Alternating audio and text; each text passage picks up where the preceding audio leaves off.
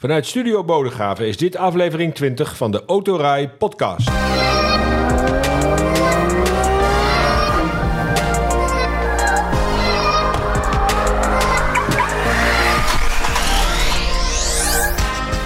De Autorij podcast is de talkshow over auto's, autonieuws, actualiteit, alles over auto's en mobiliteit, direct of indirect verbonden met auto's. Deze week als gasten aan tafel weer twee vaste redacteuren van Autorij.nl, Max Veldhuis en Niall van Leeuwen. Welkom mannen, zitten we weer. En een gast, eh, leuk dat je er bent, Laurens van Bergijk, PR-manager van Kia Nederland. Welkom aan tafel, Laurens. Eh, hoe lang is eh, Kia al in Nederland actief? Ja, dankjewel uh, Jur voor de uitnodiging en dat ik aanwezig mag zijn. Um, inmiddels 30 jaar dit jaar. 30 dus, jaar? Ja, al best een tijd. En, uh, en volgens mij nummer 1 in Nederland nu, hè? Wij zijn vorig jaar in 2022 het uh, best verkochte automerk van Nederland geworden. Ja. dat was natuurlijk wel echt een, een, een mijlpaal. Ja.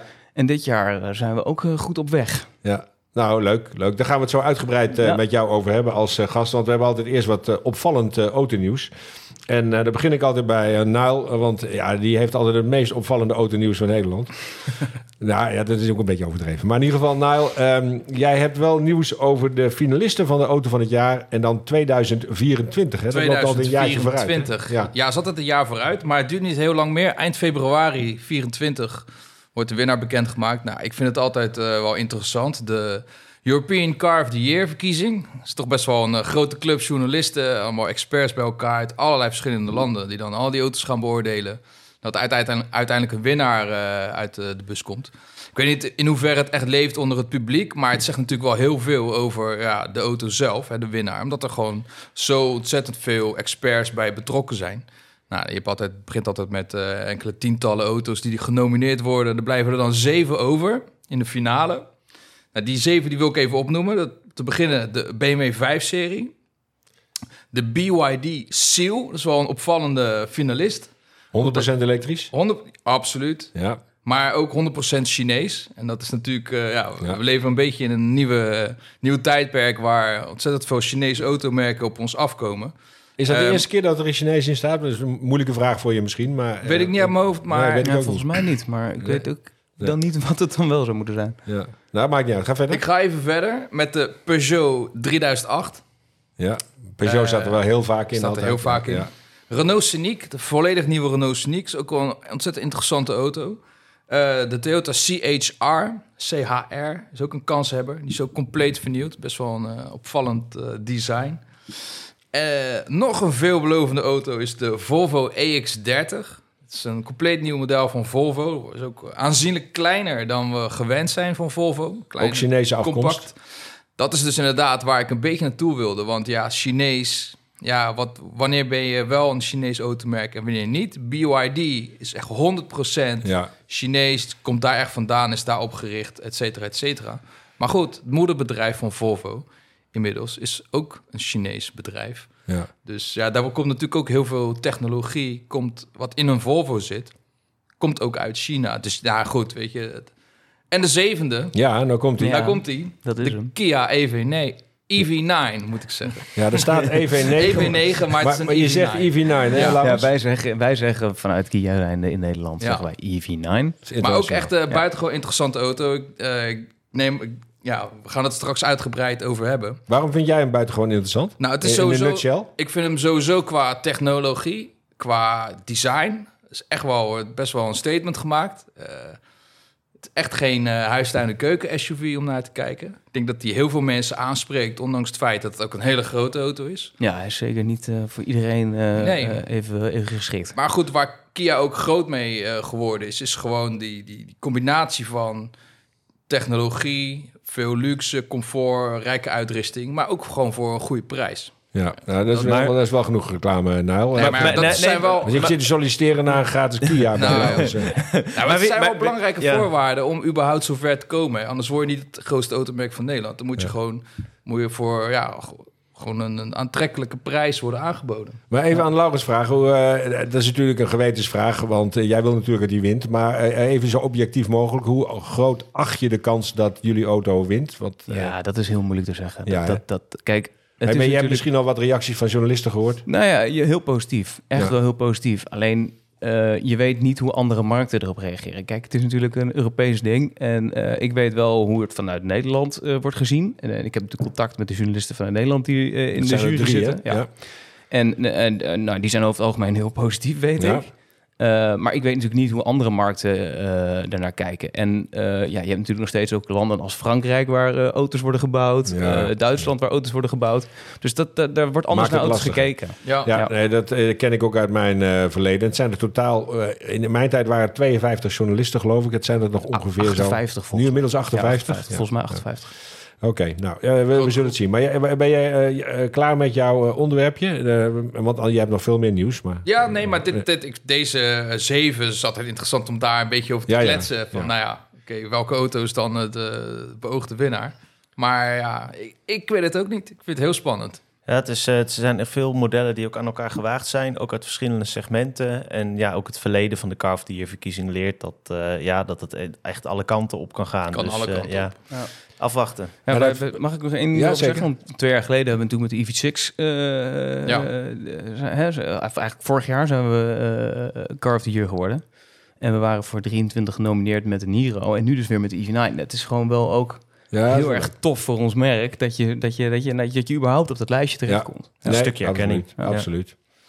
Oké, we gaan even een sprongetje maken naar uh, uh, weer een elektrische auto. Vaak gaat het over elektrische auto's. Ik heb een uh, paar klachten gehad van luisteraars die zeggen... het gaat nooit meer over brandstofauto's. Maar nou, volgens mij heeft, heeft Wopke nu geregeld dat vanaf 20 is het onze minister, voormalige minister... Mm -hmm dat we van die fossiele brandstof af moeten. Maar ik denk dat we dan voorlopig wel even fossiel rijden. Dat denk maar, ik ook. Maar uh, Max, ik was op weg naar jou, want uh, jij uh, hebt nieuws over de eerste elektrische Range Rover. Nou is een Range Rover bij uitstek een auto met fossiele brandstof, maar hij wordt ook elektrisch. Ja, dat is wel inderdaad een dingetje wat je zegt. Want ja, de Range Rover is een icoon inmiddels echt al tientallen jaren. En nu voor het eerst komt er dus een volledig elektrische versie. Dat laat inderdaad ook zien dat uh, ja, Land Rover wel mee moet in de vaart der volkeren.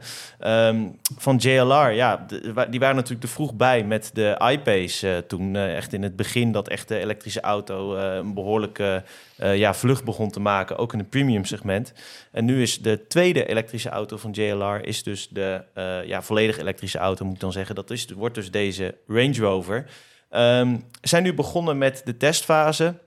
Hebben een eerste, het eerste teaserplaatje van het model laten zien. Maar goed, dat zegt nog niet zoveel, want we zien alleen een achterlicht. En die kenden we al van de Range Rover. Dus nou ja, goed, dat, dat laat alleen meer zien van... goh, we zijn bezig met de elektrische Range Rover. Maar toch stonden er nog wel een aantal opmerkelijke getallen in het nieuwsbericht.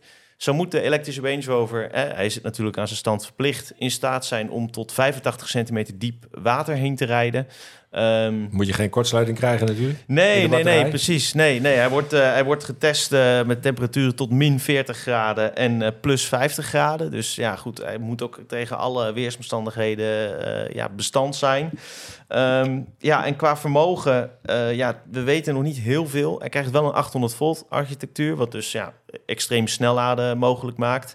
En qua vermogen is die waarschijnlijk gelijk aan de sterkste uh, Range Rover van dit moment. Dus ja, dat zal wel rond, uh, rond de 600 pk uitkomen dan. Dus ja, dat wordt wel serieus uh, veel. Nog, nog, nog heel even, uh, komt hij niet boven de 3,5 ton? Dan heb ik het niet over geld, maar dan heb ik het over gewicht. gewicht. Want anders dan heb je een, een C-rijbewijs nodig. Ja, daar blijft, hij, daar blijft hij waarschijnlijk nog wel onder. Ze hebben het gewicht nog niet bekendgemaakt. Uh, maar ja, inderdaad, wat je zegt klopt. Als je hem te zwaar maakt, dan kom je, kom je daarop uit. Uh, de zwaarste Range Rover van dit moment. Ja, de Range Rovers, dat zijn de plug-in hybrids. Ja. En die zitten ongeveer op uh, 2800 100 kilo zo'n beetje.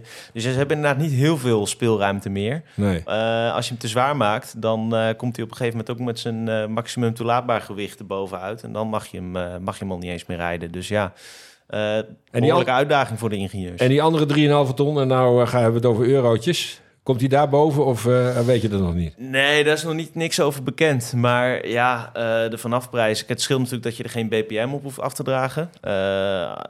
voorlopig. Dus hij, voorlopig. dus ja, hij zal toch wel zo'n minimaal anderhalve ton gaan kosten. Dat is wel wat een beetje in dat segment gebruikelijk is ook wel. Oké. We blijven even bij jou, Max, want jij bent buitenwezen spelen. Je bent op reis geweest en je was bij de Europese onthulling van de nieuwe Dacia Duster. En daar sprak je met een bijzonder persoon. En we staan hier met niemand minder dan Laurens van der Akker, Chief Design Officer bij de Renault Group. En Laurens van der Akker vertelt waarom de nieuwe Dacia Duster zo belangrijk is voor de toekomst van het merk. Nou, de Duster is natuurlijk uh, het icoon van het Dacia-merk. Het is een beetje onze Porsche 911 voor Dacia. Dus zo moet je het zien. Het is de auto die alle waarden van uh, Dacia het best uh, belichaamt. Essential and cool, robust and outdoor en eco-smart. Nou, Dacia is natuurlijk begonnen in de Renault groep met hele modeste modellen, zoals de eerste Logan en de eerste Duster. Maar de Duster was al meteen een succes, want het was een van de meest affordable SUV's op de markt. En dat is eigenlijk altijd zo gebleven en alleen maar gegroeid. En we kijken hier inmiddels naar de derde generatie van Duster. En je ziet hier een hele volwassen auto die er fantastisch uitziet, waarmee je zin hebt om de outdoor te gaan, de natuur in te trekken. En we hebben hem ook uh, nog mooier ontworpen met allemaal accessories eromheen, dus je kunt hem helemaal maken zoals je wilt. Nou, ik denk dat het eerste wat opvalt is het nieuwe gezicht wat we hebben gecreëerd met het nieuwe Dacia logo. Het ziet er echt uit uh, met de D en de C, het ziet er echt heel uh, robuust uit. de tweede denk ik, als je de auto bekijkt, je hebt gewoon zin om erin te vertrekken en de natuur in te gaan. En ik denk als je in het interieur zit, hoe slim die in elkaar zit, met een goede motorisering, je hebt echt een fantastisch pakket. En voor bij voor natuurlijk. Ja, Dacia heeft natuurlijk uh, een, een, een, enorme sprong is het maken qua image. En de nieuwe identity heeft daar heel erg bij geholpen. We zijn inmiddels bezig om het ook in het hele dealernetwerk uh, uit te rollen. De dealers zijn super enthousiast. En uh, ik denk dat dit gewoon het begin is van een heel mooi avontuur. Ja, leuk. Laurens van der Akker, chief designer bij, bij Renault. Uh, is die auto al te zien op autorij.nl? Ja, zeker. Is te zien op uh, YouTube. Daar heb ik een uh, rondje om de nieuwe Duster heen gelopen. Dus ga vooral kijken als je daar meer van, van wil zien. Ja, want het is wel mooi hoe hij hem beschrijft. En dat is in een podcast natuurlijk altijd lastig om dan ja. je, een voorstelling bij te hebben. Dus vandaar dat ik er even aan refereer. We blijven nog even bij Renault, bij het merk van Laurens. want ja, dat Franse merk heeft een heus EV-offensief, Nile. Ja. Vertel eens. Nou, ik kijk met heel veel interesse uit naar uh, de komende jaren uh, wat Renault betreft. Want die hebben, ja, het merk heeft toch een paar nieuwe modellen aangekondigd. Die heel interessant zijn. Ze zijn sowieso allemaal elektrisch. Ik bedoel, alles, daar gaat het allemaal naartoe. Je hoeft het bijna niet eens meer expliciet te vermelden dat ze elektrisch zijn. Alleen uh, Renault gaat toch een beetje op de retro tour. Want op de komende autosalon van Genève in februari 24... daar wordt dan officieel de volledig nieuwe Renault 5 onthuld. En dat is natuurlijk dat een kennen we nog, auto. Maar dat is dus echt gewoon, die komt gewoon terug. Gewoon echt als, zeg maar, volledig nieuw, modern. Maar toch wel uh, herkenbaar. Herkenbaar. Ja? Weet je, met die, die uitstraling. Weet je wat Mini en Fiat ook gedaan hebben precies, met hun uh, ja, eh, precies iconen? Dat. Ja. Precies dat. En ja, weet je, het ene retro model is wat succesvoller dan de andere. Fiat 500 is natuurlijk extreem succes gebleken. Volkswagen, mini, mini ook wel. Mini, mini ook, al is Mini natuurlijk niet echt Mini. Het is wel mini, maar het is geen echt kleine auto. Nee, maar goed. Volkswagen nee, Beetle was natuurlijk hartstikke leuk, maar in aantallen nooit Vond ik minder succesvol, mega succesvol geweest. Ja. Dus zo zijn er wel meer voorbeelden. Maar als je dus kijkt uh, naar de Renault 5, ja, ik denk dat daar ja, superleuk uh, wat op ons afkomt. Maar er komt ook een Renault 4. Die komt ook terug. Ja? Zoals wij hem kennen? Ja? Zoals precies hetzelfde. Uh, in ieder geval qua uitstraling. Hè? Dat je wel echt wel uh, de, de mensen die de Renault 4 van vroeger kennen, die de, dat design toch wel zullen herkennen in die nieuwe uh, versie. Maar dat dan wordt dan wel een wat hogere auto. En, en allemaal 100% elektrisch? Allemaal elektrisch. Ja. En ook de Twingo. Die komt ook terug. Daar hebben we ook al uh, het een en ander van mogen meekrijgen. nou, de Twingo kennen we recentelijk nog als een, een ja, compacte stadsauto met de motor achterin trouwens. Maar ik heb het nu over een Twingo die gewoon echt lijkt op de allereerste Twingo. Wat natuurlijk ook een mega groot succes was. En die komt ook terug, wel weer volledig uh, gemoderniseerd. Uh, met een leuk uh, ja, retro uh, design, volledig elektrisch. En ja, dat zijn gewoon als je al die modellen zo op een rijtje zet voor 2024 en 2025 ja, dus het, eigenlijk was super interessant en, en leuk als je dat allemaal ziet wat er bij dat merk allemaal gebeurt. Ja, ja, dat is het leuke van een eh, merk met uh, een geschiedenis. Precies. Uh, die zo lang is dat je terug kunt grijpen op die oude modellen. Ja. hoe, hoe, kijk jij daar tegenaan, uh, Laurens? Want dat is bij Kia natuurlijk lastiger. Ja, ja 30 jaar oude modellen. Ja, ja zou de, kunnen. De, de 7 jaar zou dan terug moeten komen in, ja, die variant. Ja. Maar dat, dat doen jullie niet, hè? Daar hebben we het straks nog wel even over. Nou, maar, maar moet ik wel eens bij zeggen, zonder echt hier als... ik bedoel, ik ben geen Kia-ambassadeur. Maar wat Kia de laatste jaren wel echt heel goed gedaan heeft... en wat ook een groot deel uh, grote rol speelt in het succes, is dat ze met hun design gewoon goed zitten. Kijk, er zijn heel veel merken op dit moment, ook uit China, die allemaal naar Europa komen of aangekondigd. Weet je, het allemaal 13 in een dozijn. Het is allemaal hetzelfde, interieur is hetzelfde, alles is wel gewoon heel erg van hetzelfde. Uh, en laat Kia nou bij uitstek een merk zijn dat dat, dat daar niet in meegaat. Ja. Dus als we, misschien is Kia in Nederland of in Europa geen merk met uh, zodanig historie dat je echt een retro model kan introduceren. Qua design zit het bij Kia altijd wel goed. Ja, hij solliciteert toch op die gratis Kia, nou, Laurens. Maar, maar goed, gewoon, uh, nou, ja, Max ja, nog als, als, we nog wel even teruggaan naar Renault. Uh, ja, ik denk wel dat, dat met die nieuwe line-up... Uh, dat, het, dat het merk best wel grote kans heeft op succes. En dat komt ook door degene die op dit moment aan het roer staat. En dat is natuurlijk Luca de Meo. De man die in 2007 ook verantwoordelijk was voor de revival van de Fiat 500. Nou, We hebben allemaal gezien wat dat voor het merk Fiat heeft betekend. En hij, uh, ja, hij doet het nu eigenlijk, herhaalt hij weer hetzelfde kunstje bij Renault. Door het verleden uh, dusdanig ja, om te vormen, zeg maar, dat je het ook weer voor het heden kunt gebruiken. Dat het herkenbaar is voor mensen, maar tegelijkertijd ook met een nieuw gezicht, uh, nieuwe technologie. Ja, dat is natuurlijk gewoon ontzettend spannend. En van de Renault 5 komt volgend jaar trouwens ook de Alpine-versie, de A290. En dat is natuurlijk weer een revival van de Renault 5 Alpine. Ja, dat, dat is wel ontzettend, ontzettend gaaf natuurlijk. Elektrische hot hatch. Ook dat ja, segment moet mee. En uh, ja, het is mooi om te zien dat dat nu uh, ook volop gebeurt. En ik ben benieuwd of uh, de echte petrolheads mee kunnen. Maar de ingrediënten die zijn er in ieder geval om daar wel erg lekker sturend autootje van te maken. Nou, heel mooi, heel mooi. We gaan van Frankrijk en Korea gaan we eventjes naar Japan. Want onze hoofdredacteur Bart Oosvogels heeft elke editie een ode aan een bijzondere of een vergeten auto. In dit geval gaat, ligt de klemtoon op vergeten. In deze ode aan breng ik een auto onder de aandacht die iedereen al lang vergeten is. Ook al gaat het om een auto die een tijdperk inluidde. We hebben het over de Toyota Yaris GRMN. En nee, dus niet over de Toyota GR Yaris, maar echt de Yaris GRMN. De afkorting staat voor Gazoo Racing Masters of the Nürburgring. Slechts 622 exemplaren zijn er van je gebouwd. Je hebt een uniek hart, een 1,8 liter viercilinder met supercharger en tech van Lotus. Een sper op de vooras, het stuurwiel van een GT86. Heerlijke kuipstoelen. Je bent wat mij betreft one of a kind. En je verdient wat mij betreft ook meer aandacht. Want dit bommetje op wielen is een van de beste hot hatches ooit.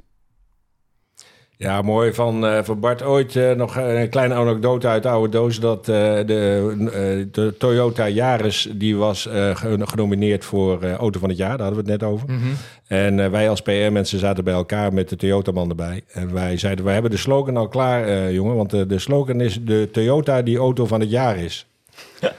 Dus, maar die hebben ze nooit gebruikt. Dus. Die hebben ze nooit gebruikt. Ja, dat is een gemiste kans. Hij is wel goed. Hij is wel goed.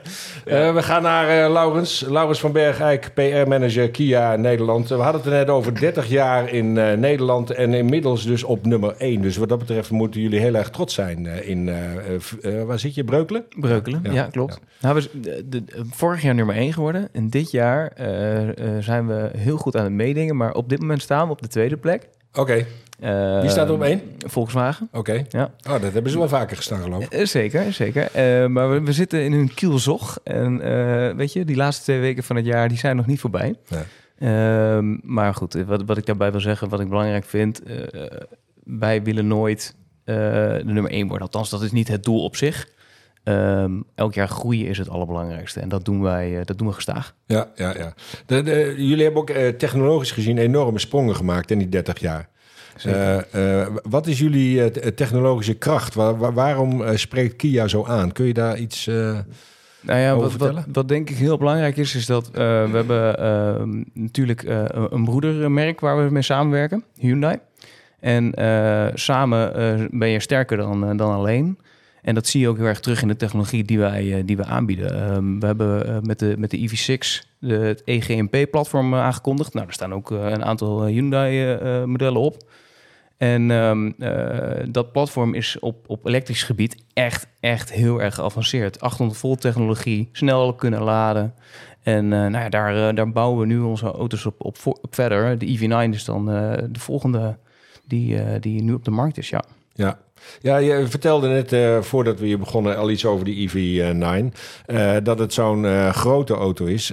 want ehm, ik heb begrepen, je kunt twee keer achter jezelf zitten en dan zit je nog steeds comfortabel. Ja, ik ben dus 1,80 meter en ik kan echt heel goed twee keer achter mezelf zitten. Ja, even voor de luisteraars, achter jezelf zitten betekent je zet de stoel in je ideale stand en vervolgens laat je hem staan en je gaat dan achterin zitten en kijken of je ook goed kunt zitten. Dat noemen ze in de autojournalistiek achter jezelf zitten. Achter jezelf zitten, ja. Maar dat kan in de EV9 dus twee keer. En ik, ik, mag zelf zeggen dat, want ik heb collega's die zijn, die zijn nog wat groter dan ik ben. En die kunnen met een 1,90 meter zelfs op de achterste rij fatsoenlijk zitten. Oh, zeg ik zeg niet dat ze dan eh, tot Zuid-Frankrijk mee gaan rijden, maar... Uh, Geen kinderzitjes, net iets meer. Nee, ja, Nee, het, is echt, het is echt een serieuze, serieuze plek. En, en de grap is dat de auto is zo groot dat je dus binnenin heel veel ruimte hebt. Maar uh, zelfs als je met zeven of zes mensen, afhankelijk van de configuratie, in die auto gaat zitten, heb je ook nog uh, fatsoenlijke bagageruimte. Ja, ook nog. En dat maakt het echt wel een, een, fijne, unieke auto. Qua grootte doet hij eigenlijk bijna Amerikaans aan. Ja. Ik weet wel dat ik reed in de, in de Gaasperdammer tunnel. En uh, ineens uh, zag ik uh, in mijn binnenspiegel twee enorme ledbalken. En ik dacht, hé, wat, wat is dat toch? Is dat een Cadillac Escalade of zo? En toen werd ik ingehaald. En zei ik van, hé, hey, dat is de, dat is de EV9. Dat is echt, echt best, wel, best wel indrukwekkend. Ja. Ja, dat is hij ook. Het is jullie vlaggenschip, hè? Dit is de grootste. Komt er nog een grotere? Nee, nee, nee. nee. De, de, de 9 is het hoogste getal uh, vanuit de serie. En ook de grootste auto die, die komt. Maar we gaan nog wel naar beneden toe. Uh, nou, de 6 is natuurlijk al bekend. Uh, er zijn een paar maanden, twee maanden geleden was de EV Day in Korea. En we gaan nu elk jaar een, eh, een specifieke ja, Kia EV Day organiseren. Waar we onze nou ja, eh, nieuwe auto's voor, het komende jaren, en voor de komende jaren gaan aantonen of aankondigen. En daar zijn drie auto's getoond. Dat is een EV3 concept, een EV4 concept en de EV5. De EV5 is er al in China. Die komt ook straks nog naar Europa. Maar de EV3 concept uh, is dus aangekondigd. Maar daar weten we eigenlijk nu al van dat de ET3 volgend jaar al naar Europa komt.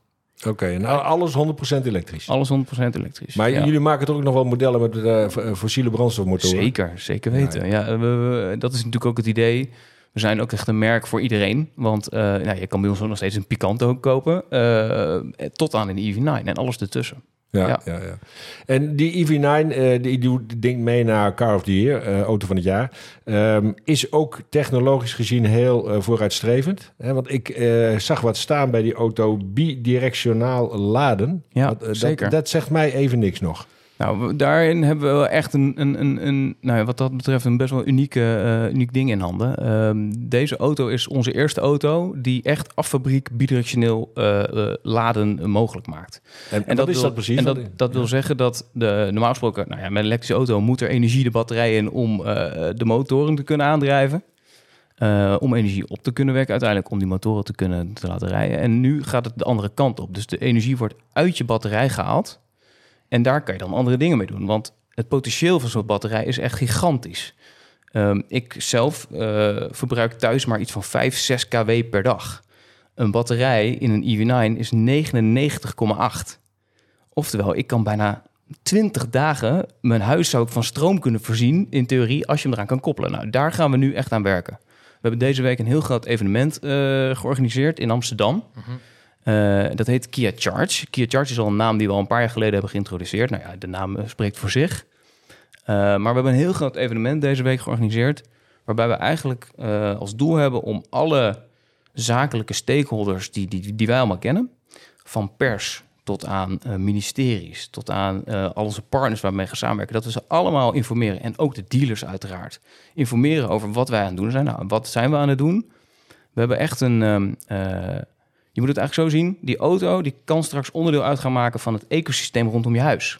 Ja. Als jij thuis plek hebt voor een auto die je eh, aan je huis kan koppelen met een laadpaal, nou ja, dan uh, kan je er straks dus voor zorgen dat die stroom als een soort thuisbatterij gebruikt gaat worden. Ja, dat, dat is dat bidirectioneel of directionaal ja. laden. Ja, bidirectioneel, betekent eigenlijk gewoon twee kanten op. Kijk, normaal gesproken is een elektrische auto ontwikkeld om een batterij alleen op te laden. Ja. Maar doordat die batterij dus ook stroom kan terugleveren, dat is, zeg maar dat feit dat dat twee kanten op gaat, dat, dat wordt dan bidirectioneel genoemd.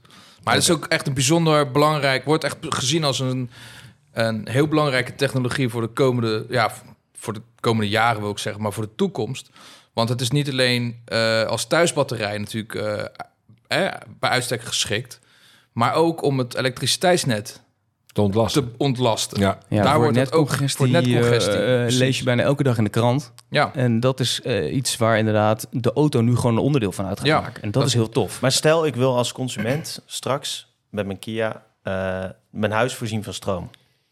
Wat zou ik daar dan precies voor nodig hebben? Want ik denk niet dat dat met een reguliere laadpaal kan... die sommige mensen misschien nee. nu al wel bij hun huis nee, hebben. Klopt, klopt. Nee, wat we doen, wat we nu ook gepresenteerd hebben deze week... is zeg maar de uiteindelijke droom. En uh, dat is een, een, een, droom die gaat in stapjes. Dus je kan het niet allemaal in één keer opleveren. Want inderdaad, er is een bidirectionele laadpaal nodig... om die stroom vanuit die auto je huis in te krijgen... en ook naar het net, de grid. Um, die paal die is er nog niet. Um, die verwachten wij volgend jaar. En dan is het dus echt ook daadwerkelijk, ja, dan, dan, dan kan het. Die stapjes die kunnen we wel uh, nemen. Dus wat hebben we nu gedaan? We hebben uh, onder andere een samenwerking met Vattenfall aangekondigd deze week. Ik wou net zeggen, dan moet je met uh, energieleveranciers ja. rond de tafel. En, en wat we daar dus mee willen bereiken is dat want dat ecosysteem waar ik het net over had rondom je huis, die kan je alleen maar inderdaad ja, samenstellen. Als je bijvoorbeeld ook je energiecontract daarop aangekoppeld hebt eventuele zonnepanelen. Nou, noem het allemaal maar op. En dat gaan we met Vattenfall nu aanbieden. We bieden nu al per vandaag op onze site stroom en zonnepanelen aan via Vattenfall. Dus als je op de Kia-website bent, kan je die nu gaan aanschaffen via Vattenfall. Wij willen one-stop shopping echt promoten. Want uiteindelijk is het ook voor een consument gewoon prettig... dat je gewoon met zo min mogelijk partijen uh, ja, je, je zaken voor elkaar hebt. Hè, je zaken regelt. Eigenlijk hoe het nu soms ook al werkt met verzekeringen... dat je die ja, ook bij je auto exact. kan kopen. Ja, ja, exact. Dus daar zitten we heel erg. En dat is dan, uh, nou goed, de, een van de partners waar we mee samenwerken. We hebben natuurlijk heel veel, echt, het is, ik ben er zelf achter gekomen de afgelopen weken... hoe intens ingewikkeld dit allemaal is. Het is echt rocket science. Ja, ja. Dat en is uh, wij proberen het als Kia ook zeg maar plat te slaan... om het zo simpel mogelijk te maken. Dus we hebben daarom deze week... Um, uh, we hebben in een, we, ja, we noemen het een immersive experience. Twee hele mooie Engelse woorden. Ja. Um, maar we hebben een, uh, een, een, uh, een, een, een, experience gebouwd waarin je in, eigenlijk in drie ruimten, uh, drie ruimtes heb je kunnen ervaren wat dan, nou ja, hoe dit, hoe dit werkt. En het begint eigenlijk zo. In de eerste ruimte hebben we gewoon het achtergrondverhaal getoond. Dus oké, wat is er aan de hand in de wereld? Nou, het woord netcongestie kwam daarin terug. Mm -hmm. In de tweede ruimte hebben we door middel van een hele opstelling hebben we mensen kunnen laten zien dat je, uh, nou, wat onze droom is, dus hè, dat, dat we dat ecosysteem helemaal willen inrichten, dat uiteindelijk netcongestieproblemen kunnen helpen. Althans, we zijn een onderdeeltje, onderdeeltje zeg maar, van, de, van, de, van de oplossing, hè? niet de totale oplossing, maar dat, dat, dat kunnen we dan uiteindelijk, daar kunnen we naartoe gaan werken. En in de laatste ruimte hebben wij een EV9 getoond, met daarnaast een tiny house. We hebben een tiny house gebouwd, dus een klein huisje gebouwd, ja, ja. wat echt een huis is waar je echt kan slapen en kan wonen. En dat huis is voorzien van een thuisbatterij, de zonnepanelen, noem het allemaal op. Nou, die hebben we laten zien en dat laat ook straks uiteindelijk zien aan, nou ja, aan, aan de consument en ons van hoe het werkt en wat het, wat, wat het kan opleveren. Maar als je uh, nu zonnepanelen hebt en je hebt een thuisbatterij, dan zou je die, dat laatste eigenlijk niet meer nodig hebben als je een elektrische auto op de stoep hebt staan. Nee, maar daarin zitten de experts zijn er nog niet helemaal over eens. De, sommige mensen zeggen dat alleen een thuisbatterij, van, of ik bedoel alleen een autobatterij voldoende is. Maar het ligt natuurlijk aan de situatie af. Iedereen leeft nu een andere soort, ja, uh, andere manier van leven. Um, uh, het kan best zo zijn dat je bijvoorbeeld in een gezin woont waarvan uh, degene die de auto rijdt heel veel onderweg is en die auto staat er niet voor de deur. Dan is het heel handig om wel een thuisbatterij ja, te hebben. Ja. Maar als jij uh, uh, ja, vaak thuis werkt en overdag de auto voor de deur op staan, is dat prima. Ja. En hoeveel staat een auto stil, hè, Dat is ook uh, gemiddeld genomen iets van 90, 95 procent ja, klopt. Ja. Maar ja, het ideaalbeeld zou uiteindelijk zijn als alle openbare laadpunten op straat ook bidirectioneel laten uh, promoten. Want dan heb je dus ook uh, door de opwekking van hernieuwbare energie via zonnepanelen en windmolens, wat natuurlijk afhankelijk is van de weersomstandigheden, hè, dat dat niet uh, altijd meespeelt. Dat moet in balans blijven. En daarom kun je de auto gebruiken als buffer. Maar wat ik ook wil zeggen... sorry dat je onderbreek. Ja. Die begrijp ik even niet. Want een openbare laadpaal, daar maak je gebruik van... juist om de auto te laden. Ja, en dan ga je hem niet neerzetten om jouw stroom weg te geven... aan het openbare net. Dat... Nou, dan heb je net het kostbare thuisje, kostbare stroom erin getankt... en ja, maar dat stilte gemeente. Maar je kunt dat dus ook instellen met uh, bijvoorbeeld een app... dat je kunt instellen van ik wil minimaal zoveel procent batterijlading in mijn batterij hebben op het moment dat ik hem weer uitplug. Ja. En dan uh, geef je eigenlijk een soort van toestemming van wat er in de tussentijd gebeurt. Mag de stroom uit mijn batterij gewoon gebruikt worden als dat nodig is. Kijk, we hebben natuurlijk één auto, maar als je straks een paar miljoen auto's aan een laadpaal hebt staan, heb je natuurlijk wel uh, veel meer mogelijkheden. Ja. Maar het is gewoon belangrijk, want die, dat wordt gezien als een energiebuffer om het elektriciteitsnet in balans te houden. Dus het klinkt misschien heel ingewikkeld, ook als je ze luisteraar alleen maar zit te luisteren en geen beeld bij hebt. Maar dat is een superbelangrijke innovatie voor de toekomst. We zijn er al heel lang mee bezig. Mitsubishi heeft het jaren geleden ook gepresenteerd. Renault is, uh, heeft, is met allemaal pilots bezig. Volgens mij zo'n eiland in Portugal. Nou, Renault, waar Renault het hele eiland op, uh, op is gerust. Maar het wordt nu wel tijd, en dat is dus kennelijk wat Kia aan het doen is, om het gewoon standaard te leveren. En gewoon Weet je, testfase is voorbij. Het is 2024 bijna. En nu gaan we het leveren. en wat nog leuk is, is dat, en dat vind ik echt zelf ook heel cool. Dat merk ik ook aan het bedrijf waar je voor werkt. Ehm, dat wij de ruimte krijgen en de vrijheid krijgen om dit project hier neer te zetten. Want wij hebben dit in Nederland voor elkaar gebokst. Wij zijn gewoon pilotmarkt binnen de wereld. Hm. En wij zijn dit nu echt gewoon aan het neerzetten. Het gebeurt gewoon. En uh, nou ja, dat, is, dat, dat, dat geeft ook wel aan in wat voor een wat voor een land we überhaupt wonen. Het is natuurlijk super tof dat je, dat je dit soort kansen krijgt. Ja. En uh, nou ja, dat. Uh, en welke producten van, uh, van Kia? Want nu hebben we het specifiek natuurlijk over de EV9. Is de huidige EV9 die nu in de showroom staat al, die, die kan al bidirectioneel laden? Ja. En welke producten gaan het in de toekomst? Gaan alle elektrische Kia's het krijgen of wordt het? Ja, is wel het doel. Ja. Okay. Um, ehm, die, die EV3 waar ik net over had, die gaat het ook krijgen die volgend jaar komt. Okay. En in principe alle product enhancements, dus alle zeg maar uh, vernieuwde modellen, uh, gaan het ook krijgen. Dus een EV6 wordt op een gegeven moment op termijn ook natuurlijk weer vernieuwd. En dan krijgt hij die functionaliteit ook. Dus voor je het weet heb je echt een flink aantal ook uh, bereikbare auto's die het mogelijk maken. Ja. En misschien is het nog wel goed voor de luisteraar om nog even, want de huidige EV6 die heeft wel vehicle to load, hè, maar geen vehicle to grid. Dus dat is weer een andere. Ja, correct. Ja. correct. Ja. Ja. ja, de vehicle to load, maar dan in de basis is het best vergelijkbaar. Want vehicle to load uh, kun je dus in feite een, een uh, uh, wat is het, een verlengsnoer. Ja, je kan je laptop, je laptop op 220 opladen met een stekker in je auto. ballen frituren. Ja, precies. Je, je auto fungeert nou in feite als een groot stopcontact. Op de camping kan je gewoon je, je, je, je, je, televisie in je tent kan je ja, ja, ja, ja. van stroom voorzien. Precies. Lekker SBS. Uh. maar dat is, dat is toch nog anders dan wanneer je maar het net teruggeeft. Dus dat is dat echt een technisch een andere fase nog. ja. ja. Eventjes, uh, uh, want we hebben het hele tijd over elektrische auto's. We moeten het ook nog een beetje over brandstofauto's hebben in, een, in een uitzending om de balans een beetje te bewaren. want volgens mij rij jij nu niet elektrisch. Wat rij je zelf? Nee, klopt. Ik rij een Kia Proceed. En waarom rij je de Proceed? Ik, uh, ik vind het belangrijk dat ik ook de modellen rij die, die niet elektrisch zijn. Weet je, wij bieden dat ook aan aan iedereen. Dus ik wissel gelukkig geregeld. Dat is natuurlijk ook fijn vanuit mijn functie dat ik de modellen kan, kan proberen. Ik vind het zelf een hele mooie auto om te zien. En ik, vind, ik vind een brandstofauto nog steeds heel fijn, eerlijk gezegd. Even voor de, de, luisteraars die het niet kunnen zien en dit misschien niet weten. In welke klasse valt die auto? Waar is je mee te vergelijken? Wat is een grote concurrent? Ja, um, dat is een goede vraag. Eigenlijk moet ik die vraag aan uh, stellen. Uh, ja. Maar ik, ik, ik, ik, weet dat, die, uh, dat de, de, de, de, zeg maar de grootste concurrent is een, een Mercedes. Die lijkt het ja. meest op. lijkt het meest op. En, ja, welke dan? De, de CLA. Ja, CLA, oké. Okay. Ja. Ja, ja. Nou, het is in, in, principe praat je over een, een, een redelijk middelgrote toch wel redelijk ruime D-segment uh, stationwagen. Alleen dan met C. een zo... C, C excuus. Maar dan met zodanig uh, aflopende daklijn en een sportief getinte uitstraling dat het, uh, die auto ook vaak een shooting brake wordt exact. genoemd. Ja, in plaats van echt een traditionele stationwagen die misschien wat vierkanter is. Volgens mij werd die naam voor het eerst bij Mercedes gebruikt. Ja, maar. Nou, precies. En, en, maar het is natuurlijk uh, in principe gewoon een, uh, een stationwagen, maar dan wel gewoon met een heel vloeiend design, wat tikkeltje sportief. Maar toch wel met wat extra ruimte vergeleken met een sedan of een 5 dus hatchback.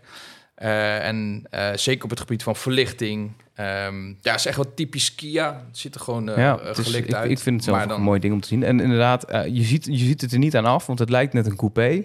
Maar er zit gewoon 600 liter bagageruimte in. Precies. Dat is echt niet normaal.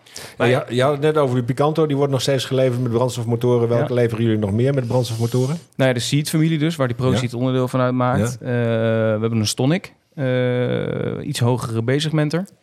Ehm, dan hebben we, wat hebben we nog meer voor mooie modellen? We hebben natuurlijk uh, een Sportage. Uh, Die leveren ook wel veel met, uh, met elektrotechniek, want die hebben ook als hybrid en plug-in hybrid. Sorrento natuurlijk ook.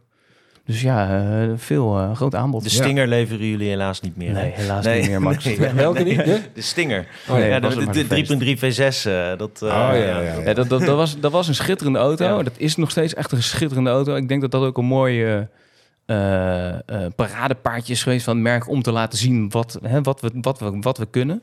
Uh, alleen voor Nederland, uh, uh, een land met BPM, was dit geen leuke nee, auto. Want ik geloof dat de helft van het bedrag BPM was. Zo gauw, ja. zo gauw een auto leuk wordt, dan wordt hij gestraft door de BPM... en dan is hij niet, niet, meer te kopen en dan is hij niet meer interessant voor, de, voor het merk.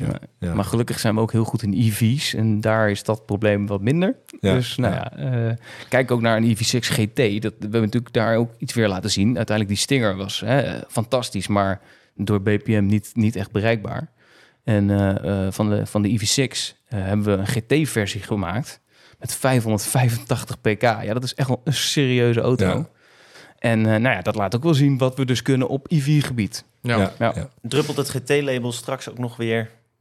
Ja, Die, er is gezegd dat alle EV's die we gaan ontwikkelen allemaal een GT-versie graag. Kijk, leuke onthulling. Ja, perspectief voor de autoliefhebber, hè? Ja, ja, ja. Dus dat is leuk. Hey, nog eventjes als laatste vraag en dan ronden we het af, uh, Laurens. Um, uh, je zegt net PR-manager wisselen in de auto, dus nu heb je die uh, Proceed bij je. Um, wat ga je dit weekend rijden of na het weekend? Dan wissel je weer van auto? Nee, nee, nee. nee. Oh, zo vaak niet. Zo vaak niet. Nee, nee. Oh, ik, okay. ik, ik, ik, denk, je neemt elke keer eentje mee uit de testpool. Nee, en, nee ik, wat ik wel doe, als we een nieuw model introduceren, dan neem ik hem natuurlijk wel even mee om echt even aan de tand te voelen. Je moet wel echt kilometers maken voordat je een auto meegeeft aan een journalist. Dus ja, ja nee, dat, dat gebeurt veel. Dus ik heb de afgelopen tijd veel EV9 gereden. Oké. Ja. Nou, veel productnieuws betekent uh, vaak wisselen. Ja, ja, ja. zeker. Nou, leuk. Alleen maar leuk, zeker. Ja, ja, ja.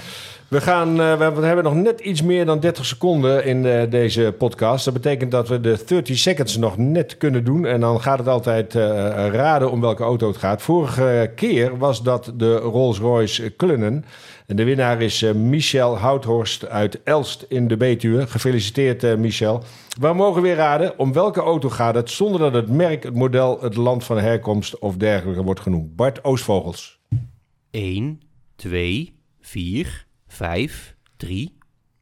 Isle of Man. Het einde van een tijdperk. Je hart is ook in de polder geliefd. Gesloten of open? Dat is aan de koper. Je naam verwijst onder meer naar een sportieve NSU uit de jaren 60. In je line-up had jij de grootste spierballen. Ja, weet je om welke auto het gaat? Stuur je goede antwoord naar podcast.autorij.nl. Ik dank uh, Laurens van uh, Bergijk, uh, PR-manager van Kia Nederland, hier aan tafel. En ook weer de twee vaste redacteuren, Nile en Max. Uh, volg autorij.nl op de site, op Facebook, Instagram en YouTube. Laat een review achter op je favoriete podcast-app. En mail al je vragen of opmerkingen naar podcast.autorij.nl. Dit was het voor nu. Tot de volgende. Rij veilig en geniet van al het moois op de weg.